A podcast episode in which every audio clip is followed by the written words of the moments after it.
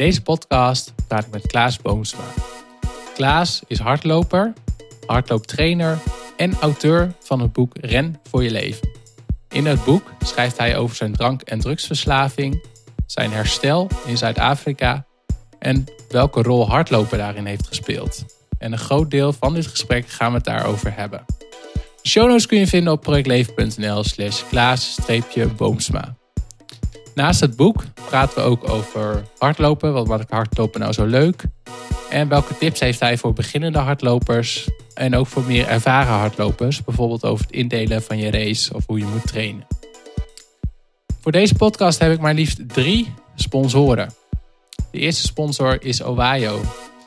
En in de show notes kun je ook een link vinden naar Ohio. En als jij bijvoorbeeld een hardloopwedstrijd gaat organiseren en je hebt daarvoor bedrukte shirts nodig, helemaal custom made. Dus met jouw logo, met jouw kleuren, met jouw uh, namen, uh, met rugnummers, et cetera. Dan kun je naar de configurator van Ohio toe. En daarin kun je kiezen voor bepaalde ontwerpen van de shirts, de kleuren, de teksten, de logo's. En ik heb een link opgenomen in de show notes waarin je kunt zien van hoe je dat dan helemaal kan maken. En het is niet alleen interessant voor als je een hardloopwedstrijd organiseert. Bijvoorbeeld ook als je met bedrijf of met een vereniging gaat meedoen aan een sportactiviteit of aan een andere activiteit. Of ze hebben bijvoorbeeld ook uh, uh, wielrenshirts. En ik was vorige week nog op wintersport en daar gingen wij skiën met een uh, ja, met een ijshockey-shirt over onze jas heen. Waarin we eigenlijk op de piste ook heel goed uh, te herkennen waren. En die ijshockey-shirts waren ook gemaakt met de custom configurator van Ohio. Dus die uh, kun je vinden in de show notes. De tweede sponsor is Running 2020. Ga naar running2020.com om meer te lezen over hun initiatief. En dat is een initiatief van een aantal mensen in Nederland die eigenlijk wilden zorgen dat veel meer mensen blessurevrij en met plezier kunnen hardlopen. En zij organiseren daarover, daarover meetups. Daar ben ik ook een aantal keer geweest. En zij ontwikkelen nu ook een app. Een app waarmee je beter kan hardlopen op basis van je, hardloop, uh, van je hartslagzones. En de app heet de Hatobito app. En die links naar Running 2020 en Hatobito zal ik ook toevoegen aan de show notes. En de laatste sponsor van deze podcast. Nou ja, het is niet echt een sponsor. Maar ga naar biohackingboek.nl om mijn boek alvast te bestellen kan het als e-book doen of als fysiek boek. En hij is in de zomer klaar. En zoals ik al eerder heb verteld, is eigenlijk het sporten en dan het meten van, van mijn sportinspanningen. En dat begon dan met, met wielrennen, maar ook bijvoorbeeld met hardlopen. Is eigenlijk de start geweest van Quantified Self. En dat is op een gegeven moment uitgerold in biohacking voor mij. Dus daarom vond ik dit ook een leuk gesprek. En we hebben het daar ook nog wel even over in, uh, in, in dit interview. Waarin ik aan Klaas vraag, nou welke apps of welke sporthorloges gebruik jij om je, uh, je training of je race te meten.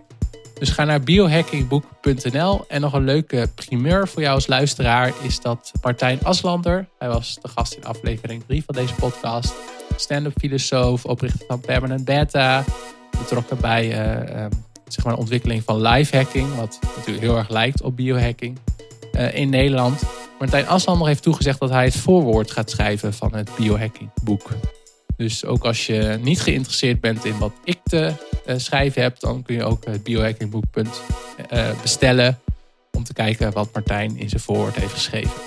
Dus ga naar biohackingboek.nl en vergeet ook niet naar de andere sponsoren van deze podcast te gaan. Dus Running 2020, Hatobito en Ohio voor de custom-made sportshirts. En al deze linkjes en ook alles uh, wat ik met Klaas bespreek, kun je allemaal vinden in de show notes. En die kun je dus weer vinden op www.projectleven.nl slash klaas-boomsa. Anyway, here we go. En heb je nog gerend vandaag? Ja, ik heb uh, vanochtend uh, bij, bij de Vondel Gym, waar ik de hardlooptraining geef, heb ik, uh, heb ik op maandagochtend altijd een, een easy run. Met wie maar wil. Dus ik heb, we hebben 7,5 kilometer gelopen vanochtend. Oké. Okay. Rustig tempo. Ja. ja, en wat is voor jou rustig tempo? Gewoon dat je kan praten met ja, anderen? Ja, sowieso uh, kunnen praten. En uh, omdat andere mensen meelopen, ja, pas ik sowieso, uh, of doen we gewoon sowieso een rustig tempo. Dus dat is, vanochtend was dat tegen de 6 minuten per kilometer. 10 mm -hmm. kilometer per uur. Ja. ja, ja. En hoe voel je je nu? Ik voel me prima. Ja. ja, dat is een geweldig begin van de dag om zo eh, te starten. Ja, ja, nee, absoluut. Ja. We hadden nog wel een leuke.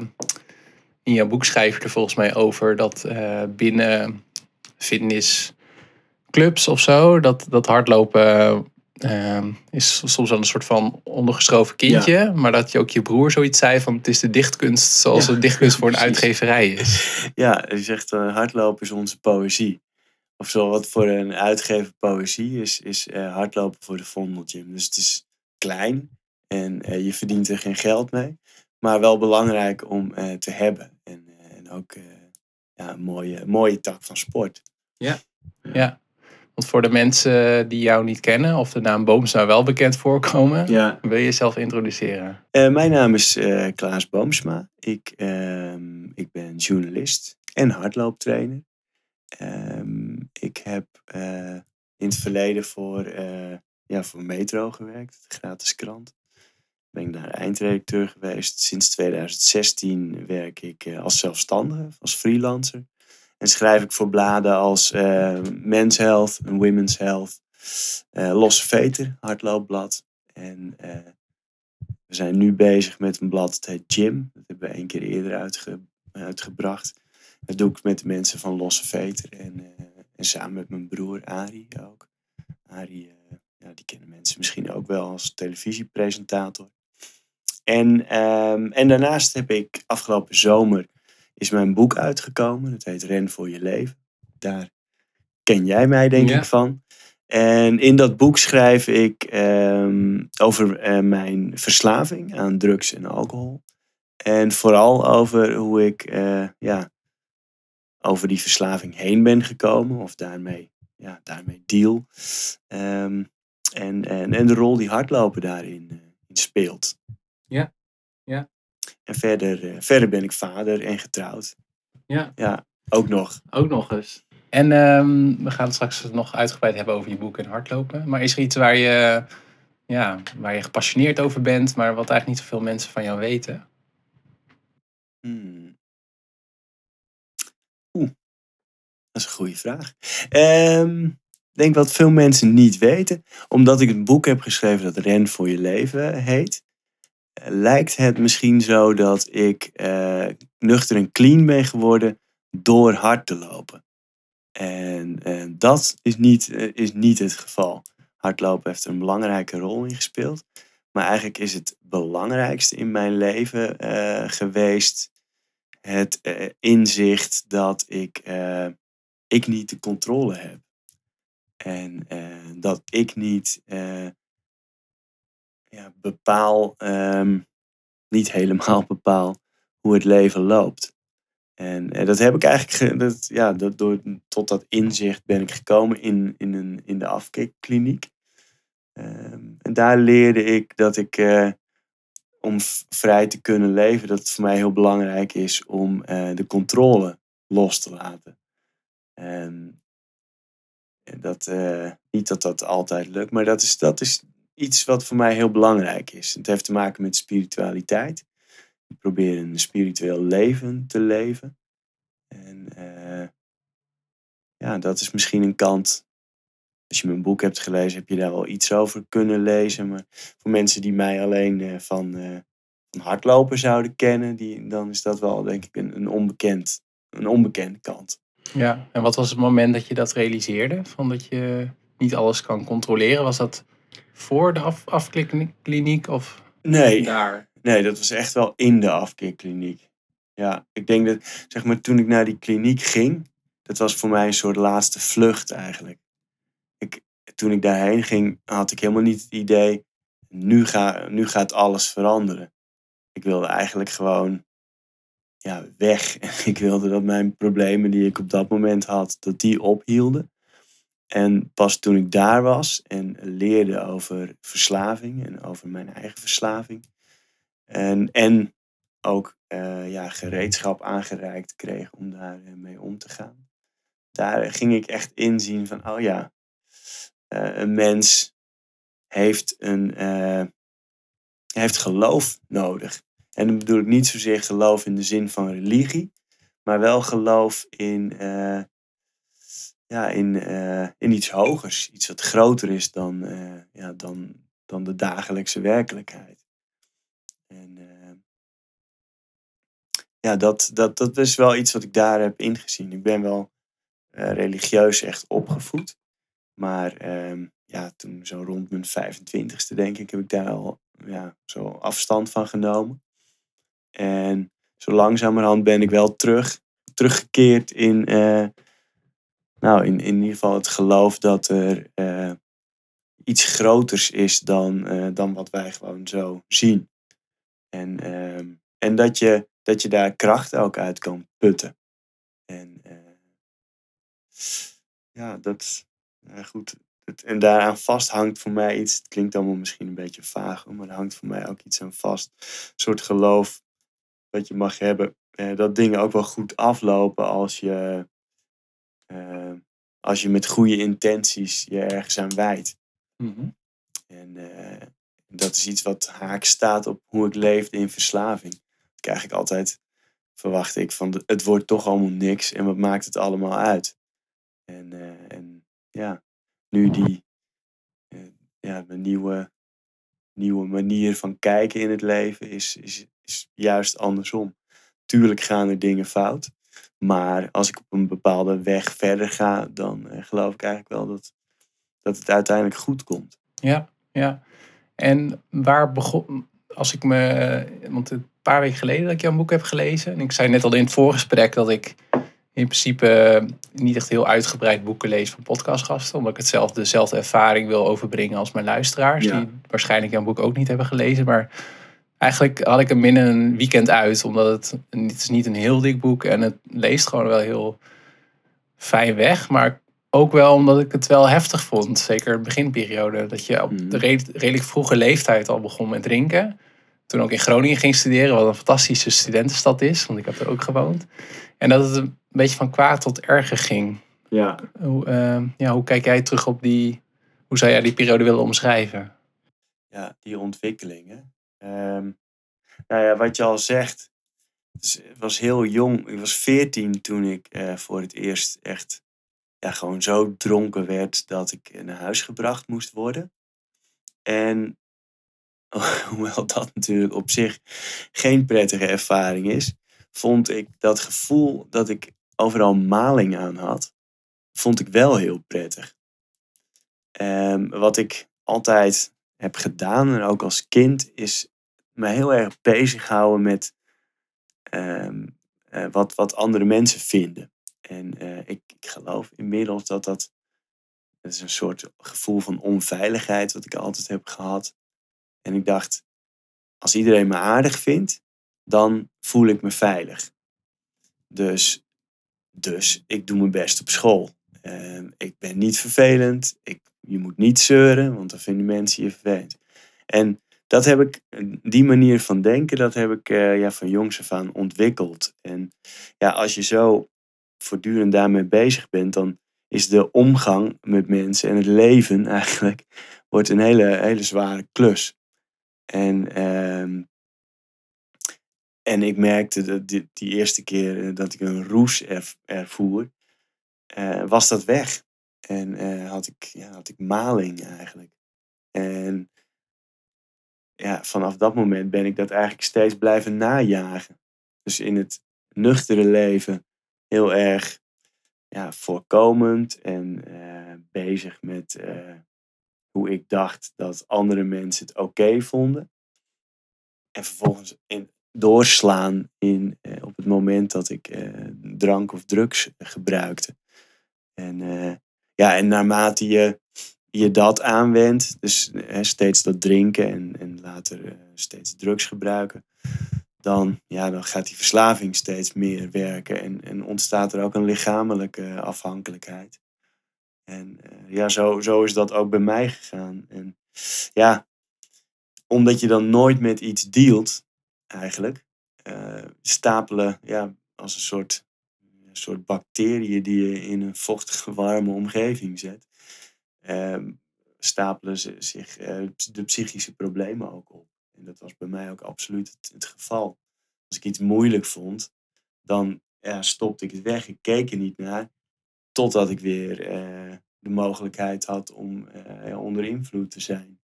En nou, dan was het weer weg. Tenminste, in, in mijn denken was het weg.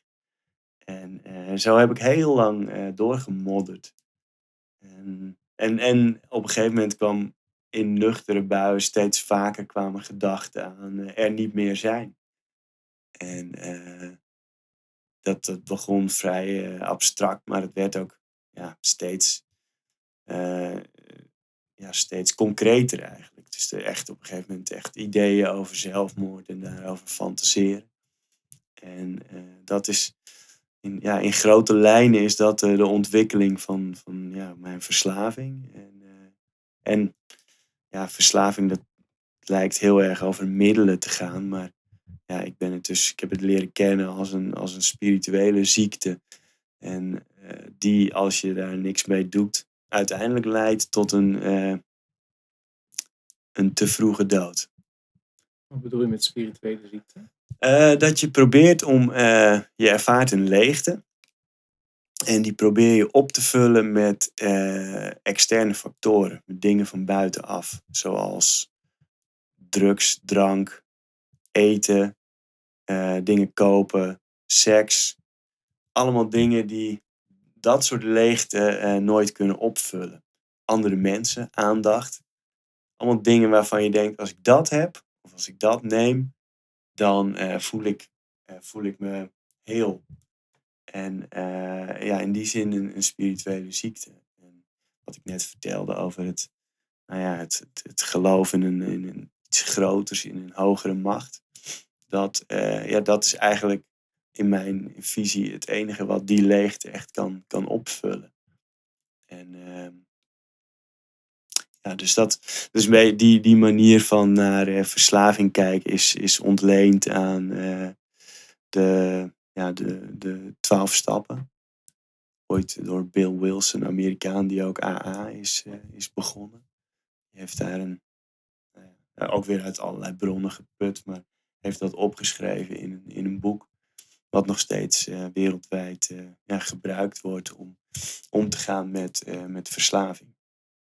En, ja. en die, die benadert het heel erg als een, als een spirituele ziekte met een zeer lichamelijke component overigens ook hoor. Ja. Dus het is, hij, in, in de verslaving wordt wel eens, zeker als het over eh, alcoholisme gaat, onderscheiden tussen het probleem alcohol, dus het middel, en de ziekte alcoholisme.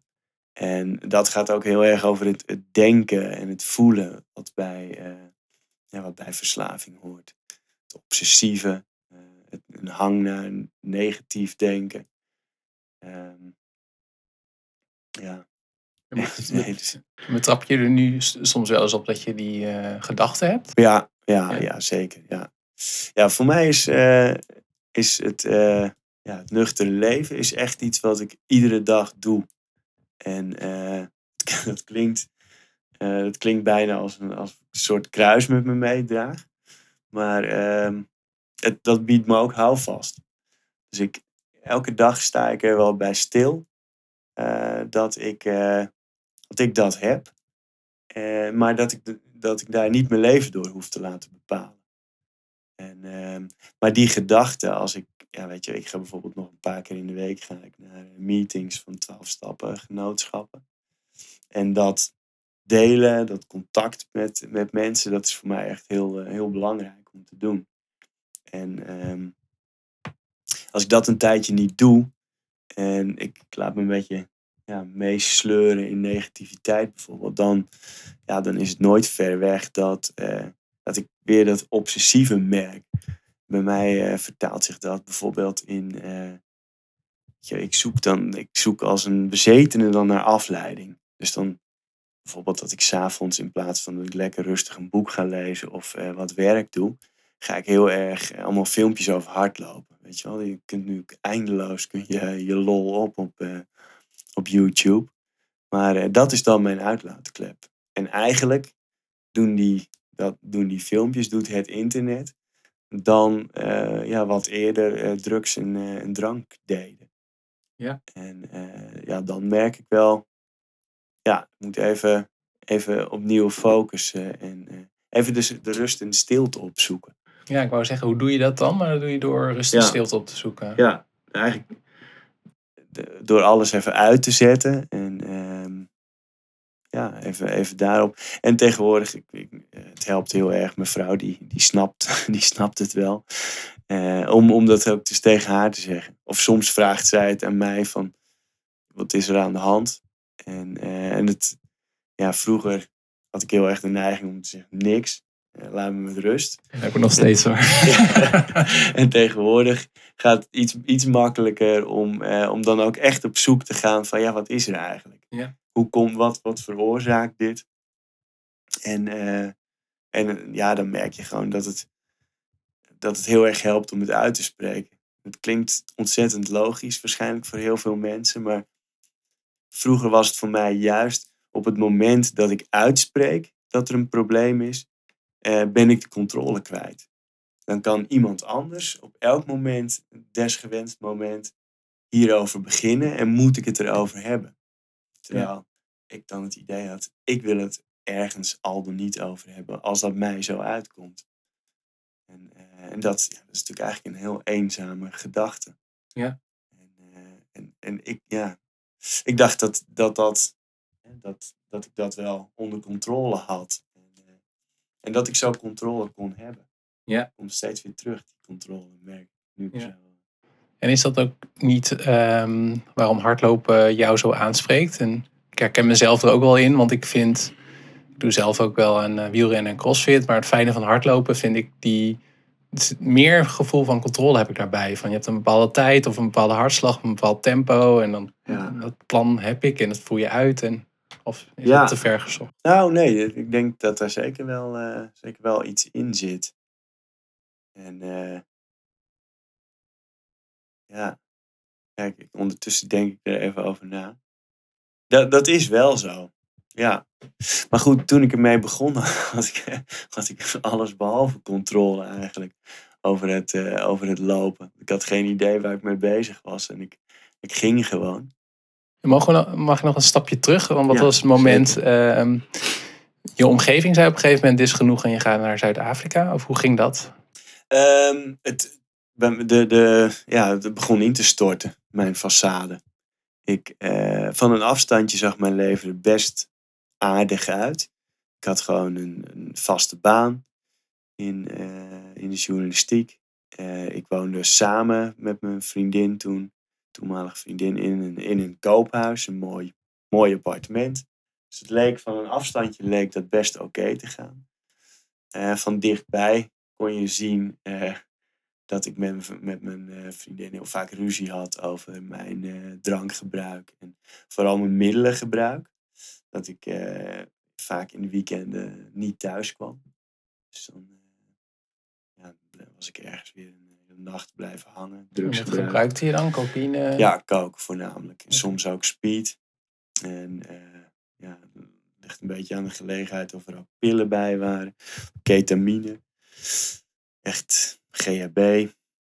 Maar cocaïne was wel het, ja, het meest voorkomend. En, eh, en dat ging ik ook steeds meer zelf eh, alleen gebruiken. En daar, ja, daar ging het natuurlijk echt, echt helemaal mis. En ehm, in het, in, vanaf de zomer van 2011 was eigenlijk was mijn laatste crisis qua drank- en drugsgebruik. En eh, ja, het ging het echt hard naar beneden, zeg maar, met mij. En, mijn vriendin begon daar ook steeds meer onder te lijden. En eh, die, ja, die raakte opgebrand, eigenlijk. En eh, dat had veel meer met mij te maken dan ik op dat moment eh, wilde of misschien wel kon zien. Maar ehm, dat was een belangrijk breekpunt. En dat was nou, zo ongeveer in september, denk ik, dat zij echt gewoon ziek thuis kwam te zitten. En eh, in de weekenden naar haar ouders ging. En, eh, en even kijken, toen niet lang daarna werd ik ook opgepakt met drank op achter het stuur. En dat was in een auto van mijn werk. Dus ik ja, ontkwam er niet aan dan dat ook te melden bij mijn eh, werkgever. En eh, ja, toen zat ik daar natuurlijk aan tafel. Toen dacht ik al van, nou, nu zullen ze me waarschijnlijk wel ontslaan. Maar ik kwam daar nog mee weg met een sanctie. En uh, vlak daarna maakte mijn vriendin de relatie uit. En, en, toen was ik even helemaal stuurloos. Want ja, eigenlijk, als iemand mijn handje niet vasthield, dan was ik zover al helemaal niet gekomen. Het was dankzij uh, mijn, uh, mijn vriendin dat ik, dat ik in een huis woonde en, en dat ik nog een enigszins gereguleerd leven had. Heb je nog contact met haar? Nee, niet meer. Nee. Wel, zeg maar, uh, tot ook wel nog wel na de kliniek nog wel contact gehad. Maar nee, dat is inmiddels. Zij is ook ja, verder met haar leven. Gelukkig, hm. uiteraard. Maar nee, dat, Nee, die heeft daar, eh, ja, die, die heeft heel veel klappen gekregen daarvan. Ja. Maar ja, om, om even terug te gaan naar de tijdlijn. Um, zij maakte het uit toen, nou ja, stuurloos. Uh, en toen kwam ik ook niet op mijn werk opdagen op een dag. En ook stond ik, ja, s ochtends om, om half negen nog ergens op straat. Terwijl ik om, om twaalf uur op mijn werk moest zijn. En ja, toen weer een gesprek. En dat was binnen zes weken na dat uh, dronken rijden incident. Dus ja, toen dacht ik, oké, nou dan zal het nu afgelopen zijn met, met mijn werk. En toen ik daar naar dat gesprek toe fietste, toen dacht ik ook van ja, oké, nu ben ik zo mijn werk kwijt. Uh, mijn relatie is uit. Dus ik heb eigenlijk ook nergens om te wonen, want ja, we kunnen daar niet blijven. En en toen dacht ik, en ik kan ook niet, ik kan ook niet stoppen. Ik kan niet ophouden met drinken. En, en ik weet al dat ik dat ga doen. Dus ik weet al dat ik, eh, dat ik straks helemaal naar de, naar de, ja, naar de kloten ga. En uh, toen, toen had ik dat gesprek met mijn werkgever en de personeelschef. en wonder boven wonder zeiden ze toen nog niet, we gooien je op straat. Terwijl ze echt natuurlijk alle, alle reden daartoe hadden. Maar uh, zei hij, wat is het met jou? En als, we, als we nou nog verder met je willen, ja, dan, dan moet er iets gebeuren. En uh, toen heb ik voor het eerst gezegd dat ik dacht dat ik een drankprobleem had. Nou, dat klonk natuurlijk niet heel vreemd in de, in de oren. Maar, ehm, en toen dacht zij van, ja, wat, wat zou je daaraan kunnen doen? En, mijn jongere broertje, die, die was al opgenomen geweest. Dus ik wist dat, dat het bestond. dat is niet Ari, toch? Dat nee, andere, uh, ja. Sietse is dat. Die, die woont in, in, Egypte. En dus ik zei, ja, die, die heeft zoiets gedaan. Dus misschien moet ik ook zoiets doen. Toen zei ze, nou, ga maar, ga maar eens praten. Kijken wat het inhoudt en wat, wat wij eventueel kunnen betekenen. Dus heel ruimhartig. En toen kwam ik terug en toen zei ze, ja, ik kan drie maanden opname doen. En, eh, maar dan ben ik drie maanden weg. Dus, en toen hebben zij gewoon meegewerkt. Dus ik heb allemaal vakantiedagen opgenomen en nog twee maanden ziektewet. En, uh, en toen kon ik naar Zuid-Afrika, naar de kliniek. En ik kon gewoon terugkomen. Dat is natuurlijk een ongekende luxe. Ja. En uh, waar ik ze ook heel erg dankbaar voor ben. Want het heeft ja, dat heeft een heel groot uh, verschil voor mij. Tenminste, hè, ik heb veel mensen om me heen gezien die ook worstelen met verslaving, die al die dingen niet hadden. En dan, uh, ja, als je het zo zonder uh, vast dagprogramma moet doen, is het best wel, best wel moeilijk. Ja. Ja, zo is het bij mij. Ik, ik ben helemaal kwijt hoe we bij deze vraag kwamen. Maar... Nou, ik was wel benieuwd naar het moment dat het echt ja, het, het, draadje knapte. Ja. Ja. Ehm, en nu ben ik wel, hoe ziet, zo'n, hoe ziet, hoe ziet een gemiddelde dag in zo'n afklik, afkikkliniek eruit? Ja, nou dat was, ik heb in, in twee uh, instellingen gezeten. De eerste was een maand lang achter gesloten deuren. En daar had je echt een regime um, dat uh, het, je mocht voor, kijk wat was het ook weer, ja, tussen zes en zeven mocht je even naar buiten, s ochtends vroeg. En, dus dan ging de deur even open. Moest je om half acht eh, binnen zijn voor eh, een soort dagopening. En ontbijten gezamenlijk. En, eh, en dan had je eigenlijk de hele dag was je bezig met verschillende eh, eh, vormen van therapie. Dus groepsessies, Ehm, soms iets, iets creatiefs, dus verven, kleien, trommelen, dansen. Eén op één sessies, met, ehm, soms met een behandelaar, maar er was ook een psychiater die af en toe langskwam. Ehm, en eh, aan het eind van de middag vaak nog iets van, van, van beweging. Maar dat, dat kwam eigenlijk neer op een wandelingetje een paar honderd meter verderop. Waar wij dan gingen zitten roken, want dat deed ik op dat moment nog. En weer terug. En s'avonds ging je vaak naar een, eh, naar een meeting. Dus naar eh, meetings van Narcotics Anonymous of Alcoholics Anonymous. Of zaten ook mensen voor gokken of overeating. Voor al die dingen zijn twaalf stappen eh, genootschappen. En Kaapstad is, eh, er zitten heel veel afkikklinieken in de buurt. Waarom is dat eigenlijk? Geen idee. Ik, ik weet, kijk, Nederlandse organisaties werken daar samen omdat het ja, blijkbaar kostentechnisch niet zoveel uitmaakt of je hier een opname doet of daar. Zoals het daar is, zijn dingen natuurlijk ook sommige dingen goedkoper. Maar waarom nou precies Kaapstad zoveel van die. Je hebt in, eh, in, in de buurt van eh, San Francisco en LA heb je ook zo van die samen eh, ja, hoe noem je dat? Conglomeraties van, van afkikklinieken. Ook in de buurt van Las Vegas dan. ja, precies. Ja. Nou ja, over het algemeen, overal waar veel gebruikt en eh, gedaan wordt, eh, is, is ook veel herstel. Ja. Er is ook veel mogelijkheden om daar weer uit te komen. Eén, in eh, Amsterdam ook zo. Ja, dat wou ik zeggen. Een van de dingen die mij verraste in het boek is dat je schrijft van dat Amsterdam eigenlijk voor iemand die afkikt een ideale stad Ja. is. Kun je dat nog toelichten? Ja. Ja, dat is het grappige was natuurlijk in, eh, als ik eh, in Zuid-Afrika toen ik vertelde na een maand of drie van ik, eh, ik ga weer naar huis. En, nou, waar is dat dan? En zei ik Amsterdam. En zei ze, nou, good luck. En eh, dat is natuurlijk het beeld wat mensen ervan hebben. Maar ja, aan de andere kant is het ook zo dat je hebt hier ja, eigenlijk van ochtends vroeg tot 's avonds eh, de mogelijkheid om naar meetings eh, te gaan.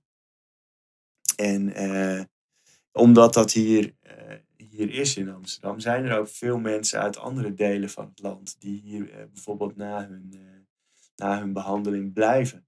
Ook met het idee van, ik, ik zoek wel iets qua werk, maar dan kan ik hier wel naar, eh, naar die meetings gaan. En eh, heb ik altijd mensen in de buurt ja, die ik op kan zoeken, eh, dat je elkaar kan helpen, ondersteunen. Dus dat, dat maakt Amsterdam ook weer heel, ja, heel geschikt daarvoor. Ja. En ehm, wat was het moment dat je voor het eerst ging hardlopen? Het was toch dat de andere mede... Ja. eh, hoe noem je dat? Ja, de, ik, de, de eerste twee dagen dat ik in, eh, in die kliniek was. eh, Nou, gedetineerde zeggen, maar dat is Ja, het verkeerde woord. nou ja, mocht ik niet naar buiten. Nee. Moest je binnen blijven. En te- toen zag ik op de eerste ochtend al zag ik een aantal mensen die, die kwamen van buiten. En het waren er meer hoor. Er waren ook die waren wezen wandelen. Maar een aantal die, die, die hadden echt zo'n zo'n blos op de wangen. En eh, die, eh, die liepen een beetje, of die hadden wat gezweet. En, die zagen er, ik, ik, jaloersmakend vond ik dat eruit zien.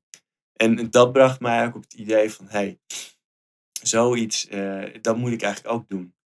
En eh, ja, dat, ook, ook het, het idee van, eh, dan, eh, dan kan ik ook fysiek iets doen, zeg maar. Naast al het praten en praten en praten wat je, wat je daar zit te doen, eh, ga ik ook lichamelijk werken aan, eh, aan verandering, zeg maar. Ik had best gewoon een hoogdravend idee. Vanaf nu eh, ga ik hardlopen. En, ja, is van hoogdravend is het nou, zo is het gewoon geworden. en, en de eerste keer, ja, ik, een van die jongens die, die vertelde dan waar hij dan heen liep en eh, waar hij dan ongeveer weer terugkwam en hoe ver hij dacht dat het was.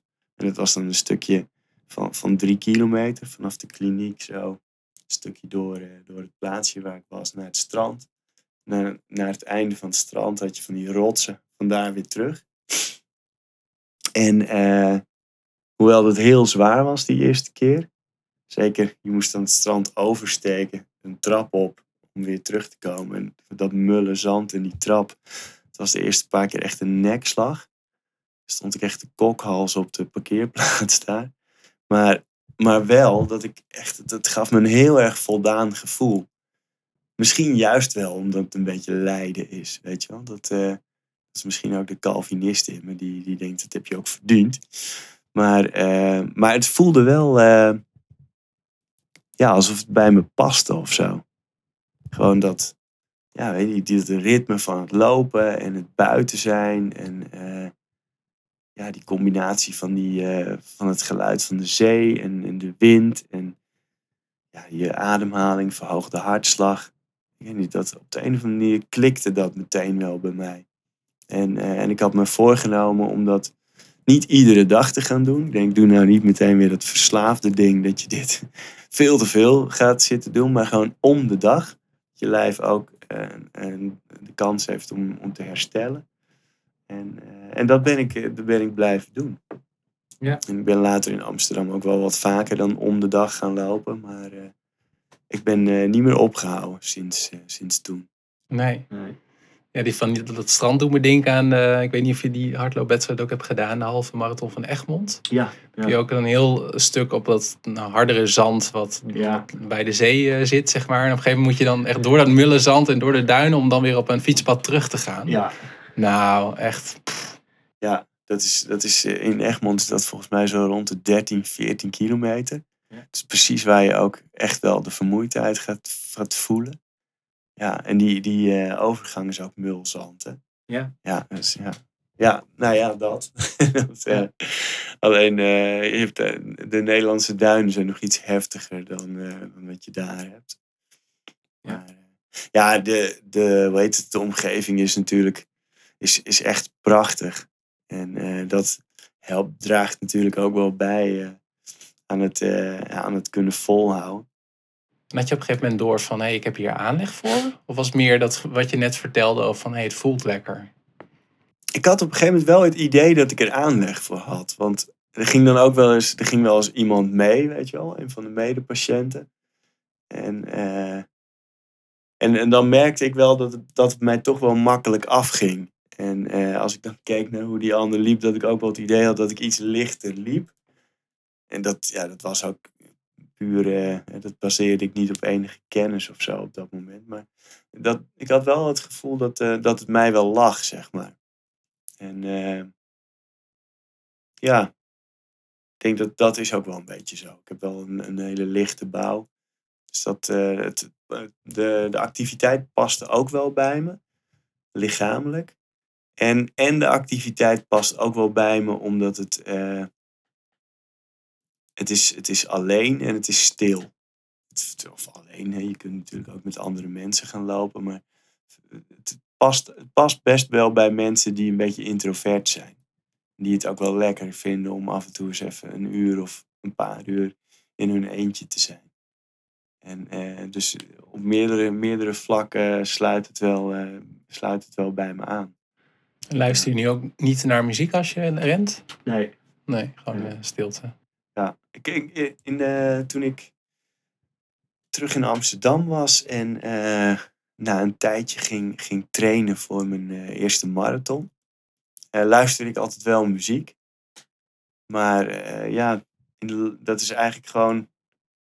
Natuurlijk is dat een beetje eruit gegaan. Op een gegeven moment vond ik die, die oordopjes gewoon niet meer fijn, of die gingen de hele tijd uit. En dacht ik, laat ook maar. En, en toen merkte ik van, nou, dit is eigenlijk ook wel prettig. En, uh, en dat is ook wat ik net vertelde over, dat, uh, over zo dat afleiding zoeken. Om de hele tijd iets op te, te willen vullen. Dat, dat gevoel had ik ook een beetje bij het muziek luisteren, bij, uh, bij hardlopen. Dat je ja, bezig bent met de tijd doorkomen. In plaats van er te zijn en ja, te genieten van wat je aan het doen bent. Dat, dat is ook wel een beetje zo'n signaal van hé, hey, ik, eh, dat, spiritueel ben ik niet helemaal in balans als, als ik die neiging heb. Ik kon vroeger, ja, kon ik eigenlijk niet, niet alleen met mezelf in een kamer zijn. Er moest altijd iets, iets aanstaan, weet je wel. of een, eh, een laptop of een tv aan of, of muziek. En eh, ja, terwijl ik nu juist ervan kan genieten als, als, als, ik de, als ik even de tijd heb om juist helemaal in stilte te zijn. En, eh, en dat is ja, ook iets wat ik in het hardlopen vind. Dus ja, om dat dan ook weer te gaan op, op te gaan vullen. Die neiging is bijvoorbeeld met podcasts. Dat ik denk, oh, die wil ik ook nog luisteren. En wanneer kan ik dat doen? Nou, misschien als ik ga hardlopen. Dus de verleiding is er wel, maar ik hou toch maar vast aan mijn uh, ja, geluidloze loop. Ja. En een van de dingen die ik ook wel uit het boek heb, heb gehaald en wat, wat jij in het begin van het gesprek ook zei, is dat je het hardlopen was een hulpmiddel, maar het was niet de reden dat het jou is gelukt om af te kicken. Nee. Dat zo uh, samenvatten? Ja, dat, dat, kun je, dat is precies uh, ja, hoe, ik het, hoe ik het zie. Dat uh, voor het allerbelangrijkste eigenlijk is, was voor mij het, het inzien en toegeven, het erkennen van mijn verslaving. En, um, en vervolgens het vragen om hulp. Dus ook van, uh, oké, ik weet, weet, ik geloof dat dit zo is. En uh, dat ja, ik kan gewoon niet een biertje drinken, want dat worden er ontelbaar. En, en daaraan vast zit ook. Ik kan ook geen uh, drugs gebruiken zonder dat ik erin doorsla. En, en daar hoort een bepaalde ja, denkwijze bij. En, en vervolgens, en ik geloof dat ik, eh, dat ik dat kan veranderen. Of dat ik daar in ieder geval een goede draai aan kan geven. En daar heb ik hulp bij nodig.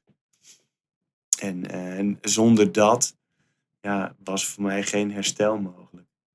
En, eh, maar dat, ja, in, in dat proces heb ik wel het hardlopen ontdekt. En eh, dat is wel ja, ik, ik heb gewoon gezonde uitlaatkleppen nodig, uh, nodig en nodig gehad. En, en ja, zoiets is het, is het hardlopen. Ja. En toen kwam je terug in Amsterdam om even de chronologische ja. Eh, volgorde aan te, te houden. En toen dacht je van, hé, hey, het lijkt me leuk om een keer een hardloopwedstrijd te gaan doen. Ja. En toen is dat toch, ben je van uh, eh, 10 kilometer, halve marathon, alle ja. marathons, nou, alle provincies in Nederland uh, een wedstrijd doen. Ja, Even, eerst sloeg ik door en toen maakte ik er een project van eigenlijk. Dus ik ging de eerste keer inderdaad die 10 kilometer uh, lopen. En uh, ja, die, we waren echt net gefinished. En toen zei, want dat deed ik met collega's, de Sky Radio Run. En er was een, een collega die, die had al regelmatig de halve van Amsterdam gelopen. En die zei, is dat niet iets voor jou? En nou, dat leek me inderdaad wel wat. Maar dat was al een maand later. En, uh, dus toen, en toen had ik die gelopen. En toen dacht ik, ja, dit... Ik vond het eh, veel te langzaam. Uh, dat ik veel te langzaam had gelopen. En ik ging eigenlijk meteen op zoek naar de eerstvolgende mogelijkheid om er nog heen te lopen. En dat was ook dat was een maand later. En toen liep ik ook meteen 10 minuten, 10 minuten sneller dan die eerste.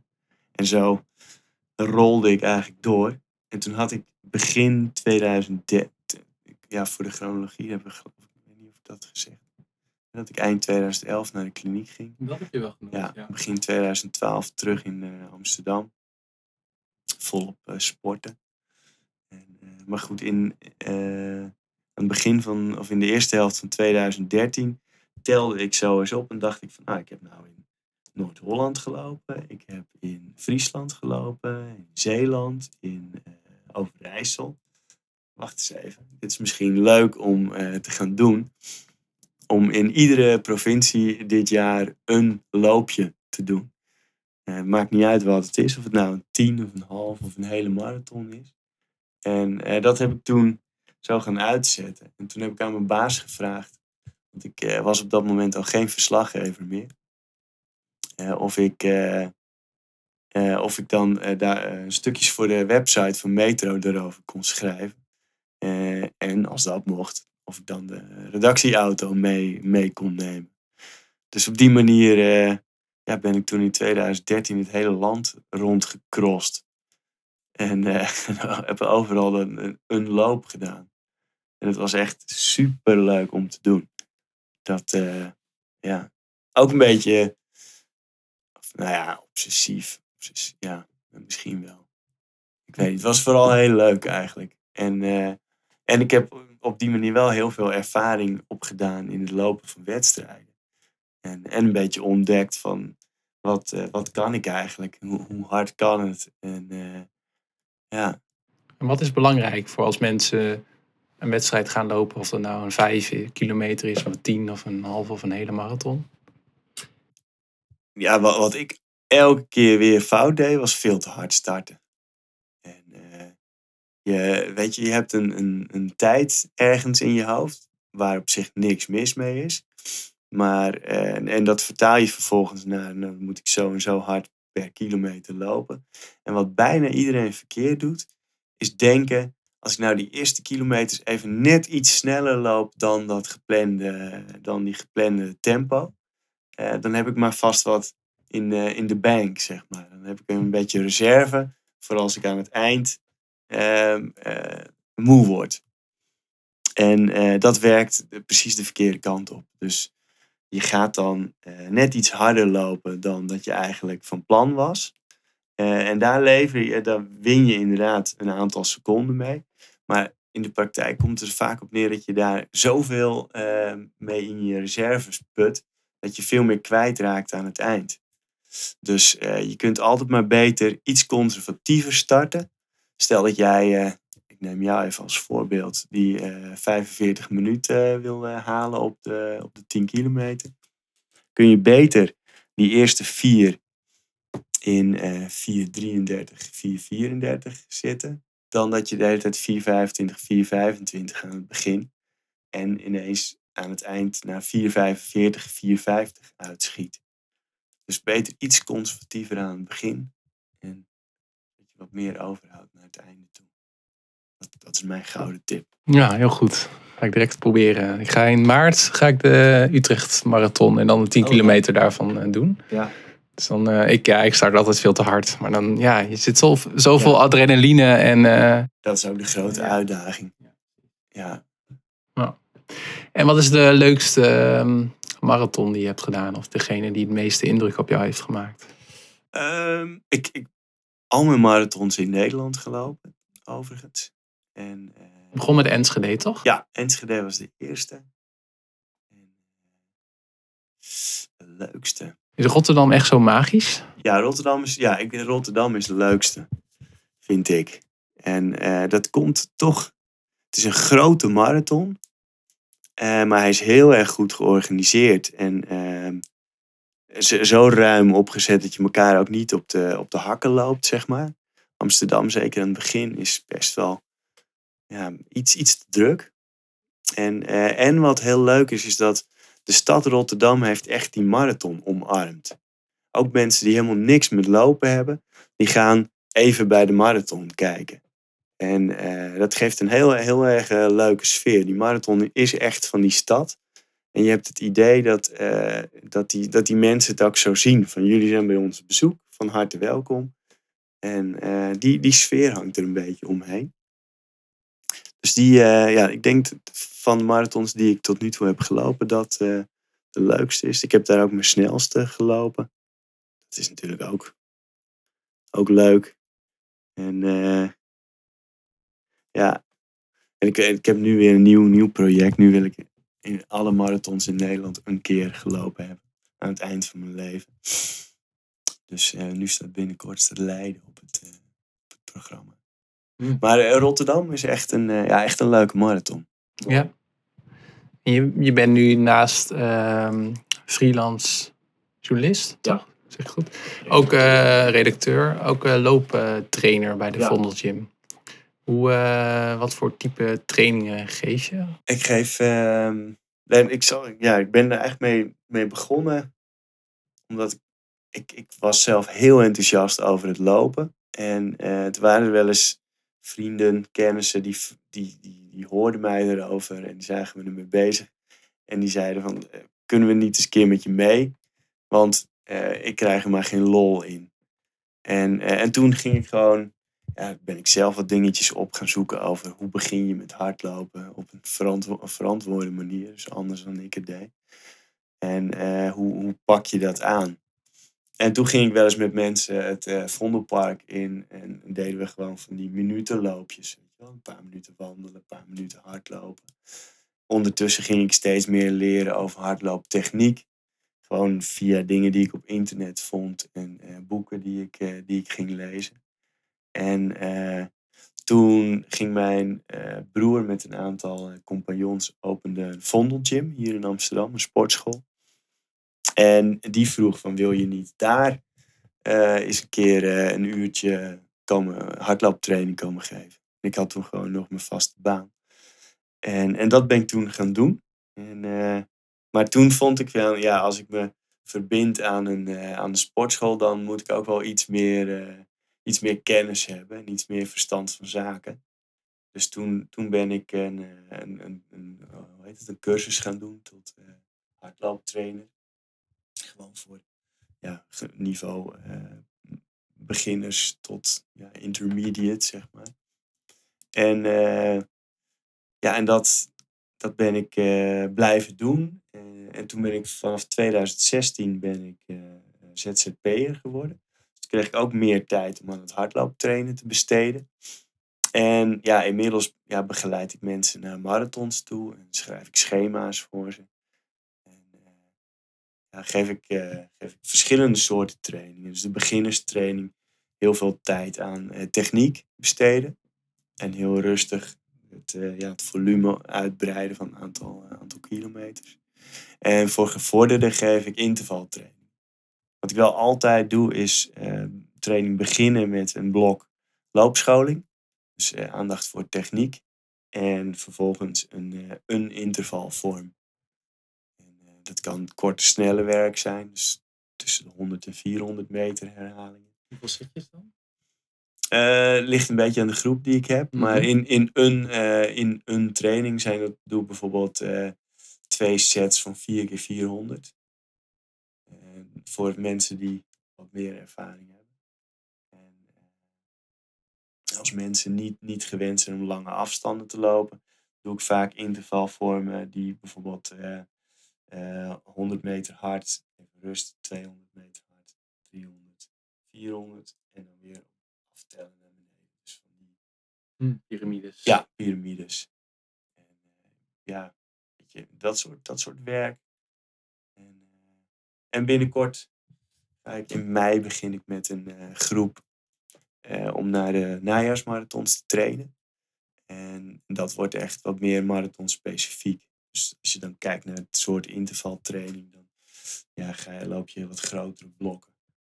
Begin dan in de eerste periode wel uh, wat aan specifiek snelheid werken. Dus met 400 meters bijvoorbeeld.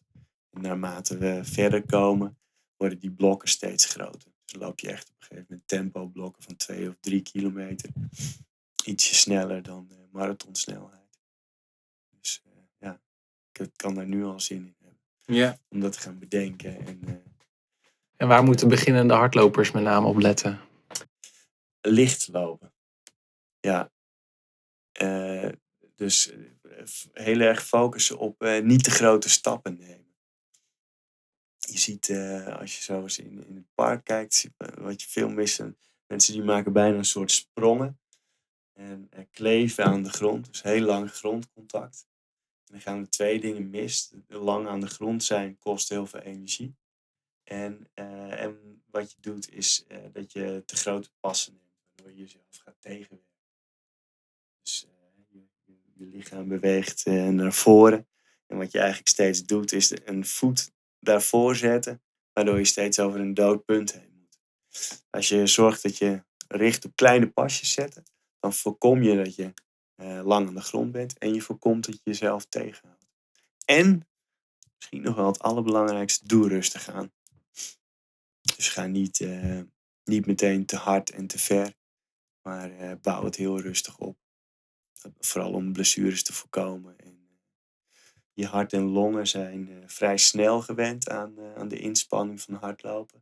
Maar je pezen, spieren en gewrichten hebben, hebben langer nodig. En het is linken is dat je, doordat je hart en longen het goed aankunnen, dat je denkt van nou, uh, ik ben er wel. En, en dan vervolgens veel te veel kilometers maken op een te hoge snelheid. Waardoor je blessures krijgt. Mhm, Ja. En voor meer ervaren hardlopers is het belangrijk om intervalwerk te blijven doen? Of Ja. zou je iets anders kunnen willen meegeven? Intervalwerk is, is belangrijk. Eh, maar misschien nog wel belangrijker is dat je in ieder geval één keer in de week langzaam loopt. En dan echt. eh, eh, ja, het is, sowieso heel goed om eens uit te vogelen wat jouw maximale hartslag is.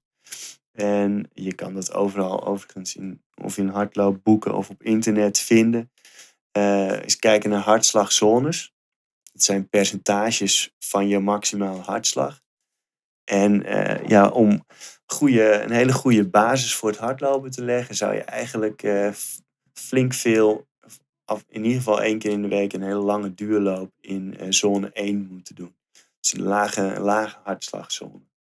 Daar, dat is eigenlijk je basis. En daarop kun je vervolgens gaan variëren met intervaltrainingen en tempo lopen. Ja. En voor mij, want ik ben bezig om eh 10 kilometer te gaan lopen. Wat is dan langer duur? Is het dan 40 minuten of een uur in zone 1? Of eh, een half uur? Of... Ja, nou, ik, ik zou zeggen, eh, een uur is wel echt, echt maximaal. Maar eh, zo tussen de 40 en 5 minuten, zone 1. Ja. En, en ja, het kan geen kwaad om af en toe eens een uur te lopen. Maar weet je, dat is niet iets wat je iedere week hoeft te doen. Nee. En het is, en het is pittig in zone 1 lopen. Het is best wel, eh, ja, de, de meeste mensen vinden dat heel moeilijk om, eh, om, om, ja, om zo langzaam te lopen eigenlijk. Ja. Want voor de meeste mensen geldt het als je je gewoon, als je je gewoon laat gaan, zeg maar. Dat je dan eigenlijk net iets harder loopt dan eh, ja, goed is. ja. Volgens mij is dat bij mij in ieder geval ook wel ego. Dat ik dan Ja, doe ik het wel eens op een lage, op zone 1. En dan ja. Haalt iemand mij in en dan denk ik... Ja, wacht, ik, ik train op zone 1. ja precies. Ja, dat je, je ken je eh, Sportrusten van Koen de Jong? Ja, dat ken ik wel, ja. En eh, hij, zij hebben op een gegeven moment, ze hebben dan zo'n een, hun langzame training, die noemen ze vogels kijken. En ze hebben ook zo'n shirt. Dat ik kan heus wel harder, maar ik ben vogels aan het kijken. Dus, voor, voor dat, precies dat gevoel. ja. Ja, ik, ik herken het wel. Ja, het is, eh, ja maar het, het is wel de investering waard. Ik vind het zelf ook niet het leukst om te doen. En eh, het is echt wel een uitdaging, maar ja, het, het, lo- het loont wel. Ja, en voor mensen die nog een beetje twijfelen over hardlopen, maar die het wel een kans willen gunnen, wat zijn jouw beste motivatietips of tip? Ehm, zoek een, eh, een, een rondje uit je voordeur waarvan je weet hoe lang het is. Dus stel dat je eh, je voordeur uitgaat, je loopt een bepaald blokje om, waarvan je weet dat het bijvoorbeeld een kwartier is voor jou. En als je namelijk dan niet zo'n zin hebt, je, je moet jezelf pushen, dan weet je gewoon, oké, even de knop om. Als ik dit doe, ben ik over een kwartier weer binnen. En dat simpele principe helpt al heel veel. En eh, wat verdere goede tip is als je bijvoorbeeld eh, s s'avonds naar je werk of 's ochtends vroeg voor je werk wil gaan lopen, is alles klaarleggen. Geen eh, mogelijkheden tot debat met jezelf toelaten, maar gewoon thuiskomen na je werk, spullen aan, glas water drinken en hap banaan en eerst, eerst gaan lopen. Niet gaan zitten, niks anders doen, meteen gaan lopen en hetzelfde geldt voor 's ochtends. Ik, ben, ik zweer zelf erg bij, eh, bij het ochtendsporten. Eh, is, is ook gewoon alles klaar hebben liggen. En eh, gewoon, ja, eigenlijk alsof je in een rijdende trein stapt. Hoe meer beslissingsmomenten er zijn, hoe groter de kans wordt dat je niet gaat. En, en als je dat gewoon een keer of drie, vier gelukt is om het op die manier te doen, dan, dan weet je ook, dan, dan is het niet meer zo moeilijk. En dan, dan krijg je, ja, als je consistent kunt zijn in je hardlopen of in, in wat voor sport dan ook, dan, eh, ja, dan wordt, wordt het ook makkelijker. Ja. Ik heb nog wel één vraag over de gadgets en, eh, en materiaal. Ja. Gebruik jij apps zoals Runkeeper? Ik gebruik, eh, hoe heet het? Ik heb een, een hardloophorloge van TomTom. En die is aangesloten, gelinkt aan Strava en aan Nike Plus. En Nike Plus is eigenlijk, vind ik het een rot app. Maar, daar heb ik inmiddels zoveel kilometers gespaard dat ik die er maar in hou, zeg maar. Dus dat is een soort, eh, soort database voor me geworden. En, eh, dus ik, eh, ik heb ja, mijn, tegenwoordig, ja, sinds ik een dochter heb, heb ik ook altijd wel mijn telefoon bij me. Daar kijk ik verder niet op. Voor de rest gebruik ik mijn horloge. Ja. En, eh, en ik vind het wel leuk hoor, moet ik eerlijk zeggen. Die, eh, dat je dat allemaal zo kan terugzien. En, eh, en ook een beetje met andere mensen kan, kan delen. Kijken wat zij gedaan hebben. Vooral van Strava vind ik dat leuk. Ja, ja. Nou, ik zal je ook gaan volgen op Strava. Ik heb zelf ook Strava. Oh ja. inderdaad. Dat is wel, Ja. wel leuk om te zien. Kan ik jou 10 kilometer Ja, shit, dat had ik niet moeten zeggen. en, ja, en ook iets nerdigs misschien, maar heb je favoriete type schoenen? Eh, ja, ik, ik loop sinds 2013 loop ik op eh, Nike Pegasus. En eh, dus ik begon met de Pegasus 30. En we zijn inmiddels bij 34 geloof ik, 34 of 35. Die komen elk jaar met nieuwe schoenen. En elk jaar koop ik gewoon weer het nieuwe model. Het is heel, heel, heel ja, hoe noem je dat? Eh, niet, niet erg avontuurlijk daarin. En dat is trouwens ook wat ik iedereen zal aanraden. Als jij een merk of een type hebt wat goed bij je, je, eh, je voet past en waar je lekker op loopt, maak er vooral geen, eh, geen sport van om steeds nieuwe of een ander type te moeten proberen. Als het werkt, dan werkt het. If it's not broke, don't fix it.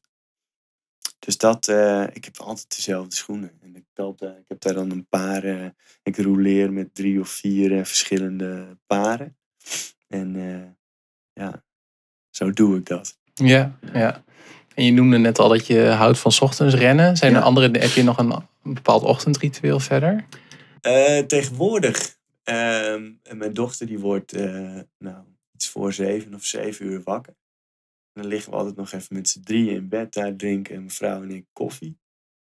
En eh zijn we gewoon even met, met z'n drieën. Dat is nog voor Voordat de wereld begint? Ja, eigenlijk wel. Nog voordat er laptops, telefoons en dat soort dingen zijn. En, eh, en dan lezen we vaak even zo'n stukje met zo'n wel, zo'n zo'n dag over, de, of zo'n gedachte voor de dag. Daily reflections. En, ehm, en dan begint het inderdaad. En ik zelf eet ik altijd een bakje muesli met sojamelk en een banaan. En eh, ja, het ligt een beetje aan de dag. Zoals op maandag eh, sla ik dat eerste deel van het ritueel over. Eet ik mijn eh muesli en ga ik naar de sportschool om met mensen te gaan hardlopen. En als ik mijn dochter weg heb gebracht, dan is het vaak ook het eerste wat ik doe op een dag is sporten. Meestal hardlopen. En tegenwoordig ook, eh, ook weer één keer in de week eh, krachttraining. En dus eh, ja, het liefst begint, begint de dag daarmee. Met opstaan, ontbijten, sporten. En, en dan ander, ander werk, meestal schrijfwerk in mijn geval. Ja. En je krachttraining, is dat nog specifiek? Of gaat het toch om je core stability? Ja, benen en, eh, en core zijn het belangrijkst. En eh, ja, om, om, om de hele boel een beetje in, eh, in balans te houden, doe ik ook wel wat, wat bovenlichaam. Maar de nadruk ligt op benen en core stability. En heb jij een gewoonte die andere mensen apart vinden? Hmm. Jeetje. Ik, ik denk dat mensen, ik, zoals die muesli met die sojamelk, ik eet gewoon altijd hetzelfde en dat maak ik op dezelfde manier klaar. Ik zit op dezelfde stoel. ik denk dat dat, ja, ik weet niet, misschien, er- er zijn vast mensen die het apart, ja, dat heeft zeker wel iets neurotisch. Ik kan er ook heel slecht tegen als mijn, mijn ritueel onderbroken wordt, zeg maar. Of dat het ineens anders moet omdat, nou, ik veel, omdat, eh, omdat een andere verplichting roept.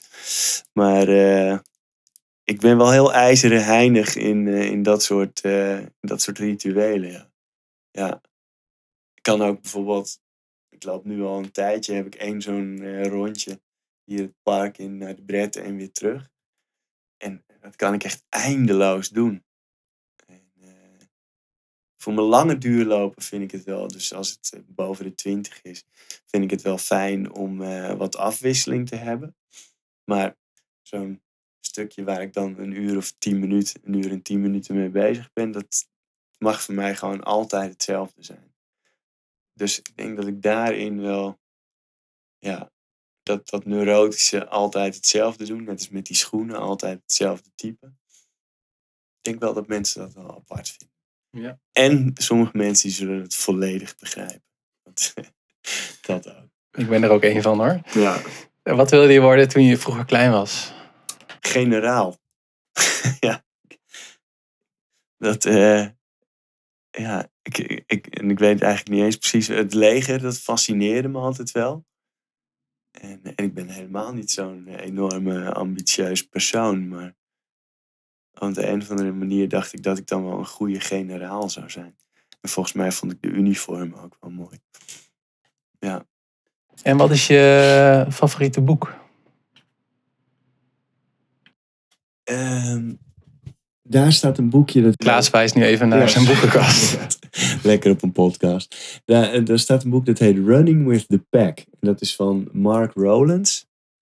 Mark Rowlands is een eh, Britse, van oorsprong Britse filosoof en hardloper.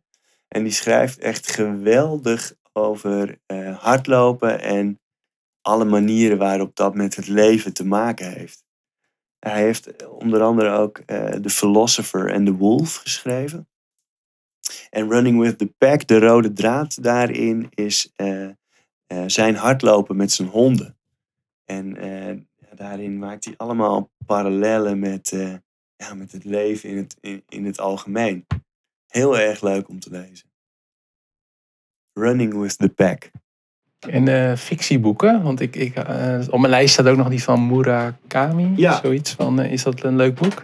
Dat is dat, die van, hoe heet het, Ehm, waarover ik praat als ik over hardlopen praat. Dat, is- dat is trouwens non-fictie.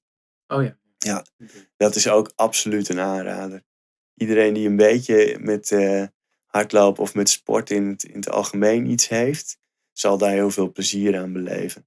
Hoe hij over, eh, nou ja, als je het over rituelen en gewoontes hebt, dan eh, kun je bij hem je lol op. Die, heb ik, die moet hier ook ergens staan. Met heel veel plezier gelezen. Een favoriete film of documentaire? Ehm, ik vond dat wel echt indruk op mij heeft gemaakt is Forks Over Knives. Over eh, de zegeningen van het eh, dier of eh, plantaardig eten. En, films vind ik altijd zo moeilijk. De laatste hele goeie die ik heb gezien is Three, Three Billboards Outside Ebbing, Missouri. Enorm lange titel. Maar met een paar geweldige acteurs erin. Woody Harrelson en eh, Frances McDormand en Sam Rockwell. Echt, echt geweldig, echt een aanrader. En eh, films of documentaires echt specifiek over hardlopen? Komt er iets bij je op? Ehm, nou, wie ik heel graag volg, en die maakt vrij korte films, dat is Billy Yang. Dat is een eh, Amerikaanse documentairemaker. Eh, die maakt films over eh, vooral mountain ultra trail eh, running. Dus met prachtige beelden er ook in. En het zijn hele korte, ze zijn vaak een half uur. Maar waar hij heel erg mooi laat zien wat mensen bezielt om 100 mijl door de bergen te gaan lopen. En hij heeft dat op verschillende plaatsen heel mooi vastgelegd. Onder andere ook rond de Ultra Trail de Mont Blanc. Maar ook veel in de Verenigde Staten. En eh, dat zijn hele mooie portretten die hij maakt. Als je dat kijkt, eh, dan krijg je ook zin in lopen. Ook al heb je niks met lopen, ik, dat is echt besmettelijk. Ja. ja, een goede vriend van mij, eh Guillermo, ik weet dat hij luistert. Die heeft ook een Marathon de Sables gedaan. Oh ja, oh, En die gaat ook nog een keer in, eh, in Lapland bij min eh, 20 eh, Geweldig. vijf dagen rennen. Is dat nog Ja. iets wat jij ook zou... eh, Ja, ik zou heel graag een keer zo'n 100 mijler in de bergen willen doen. En eh, ja, de, de eh, Ultra Trail de Mont Blanc lijkt me geweldig. Maar ja, je hebt in Amerika zijn er iets meer waar het ook soms iets makkelijker is om ertussen te komen. uh, minder bekende races. Je hebt daar gewoon iets meer te kiezen. Maar zoiets zou ik ook nog wel heel graag een keer doen. Echt in de bergen en zo'n idiote afstand. Dat, ja, dat lijkt me fantastisch. Ja. Heb je nog een favoriete website, blog of podcast? Um, ik ben een groot fan van uh, VO2 Max Productions. Dat is uh, de uh, ja, vlog, blog van, en podcast tegenwoordig ook, van Sage Kennedy. Een Amerikaanse, ja, ook ultra, ultramarathoner. En die op een hele, best wel knullige manier eigenlijk, maar met heel veel liefde voor het hardlopen vertelt over, over training, over voeding. Eh, hij heeft ook een, uh, website waar hij zelf trainingsprogramma's verkoopt en mensen online coacht. En ik vind hem een hele inspirerende figuur. Dus als je hem googelt, Sage Canada, S-A-G-E, Canada en aan het eind een Y, dan, ja, dan kom je hem vanzelf tegen. Ja, ik zal ook een link opnemen bij de show notes. Oh ja, leuk. Ja. En je hebt al een aantal mooie golden nuggets verteld over voor wat meer ervaren renners, maar ook voor mensen die misschien op het punt staan om te beginnen. Als je nog één ding zou willen meegeven aan de mensen die, die nu nog luisteren, ja, wat zou dat dan zijn? Geniet van het proces. Het is, uh, ja, we uh, hebben heel erg de neiging om, om eerst een, een doel te stellen. Wat, wat op zich prima is trouwens. maar in de weg naar dat doel willen we wel eens alleen maar oog voor het doel hebben. In plaats van eens goed om ons heen te kijken en te genieten van wat we eigenlijk aan het doen zijn. Bijvoorbeeld trainen voor een marathon.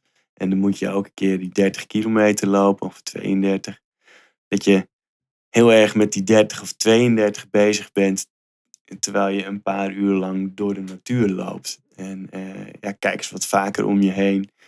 En uh, ja, de weg daar naartoe ja, het meeste werk voor een marathon verricht je in de weken ervoor.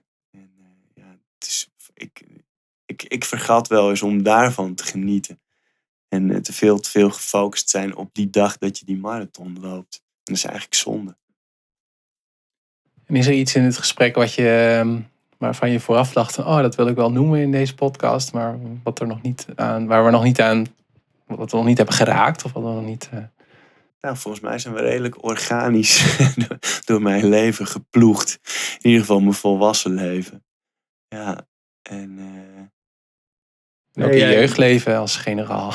Ja, ja, precies. Dat hebben we ook nog even meegenomen. Die uh, vreemde verzijsprong. Maar uh, nee, nee, ik denk dat we het zo wel... Uh, ja, dat we wel aardig de belangrijke dingen hebben meege, meegepakt. En wat vond je van het interview?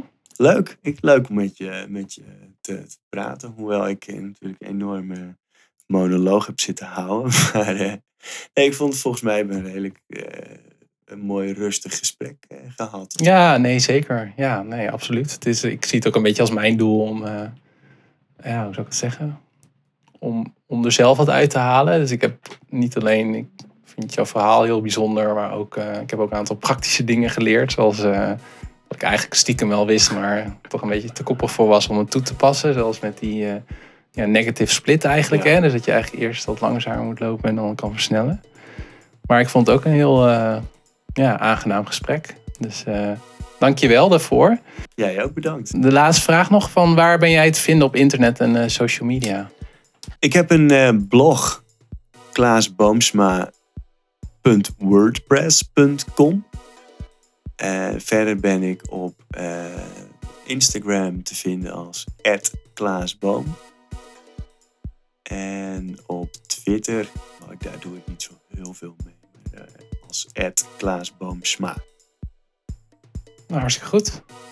Dankjewel voor dit gesprek. Graag gedaan. Leuk. Bedankt voor het luisteren naar de Project Show. Vergeet je niet te abonneren op deze podcast. Wat ik leuk vind is als je een review of beoordeling achterlaat op iTunes. Ga naar projectleven.nl om op de hoogte te blijven van de podcast, de persoonlijke experimenten, vlogs en video's die ik maak en de meetups die ik organiseer. Je kan je daar ook abonneren op mijn nieuwsbrief en een gratis cheat sheet downloaden. Ga naar peterjoosten.net als je meer wil weten over mijn advieswerk, lezingen, workshops en presentaties die ik geef. Ga naar patreon.com slash projectleven om te laten zien dat je een supporter bent van de Project Leven Show.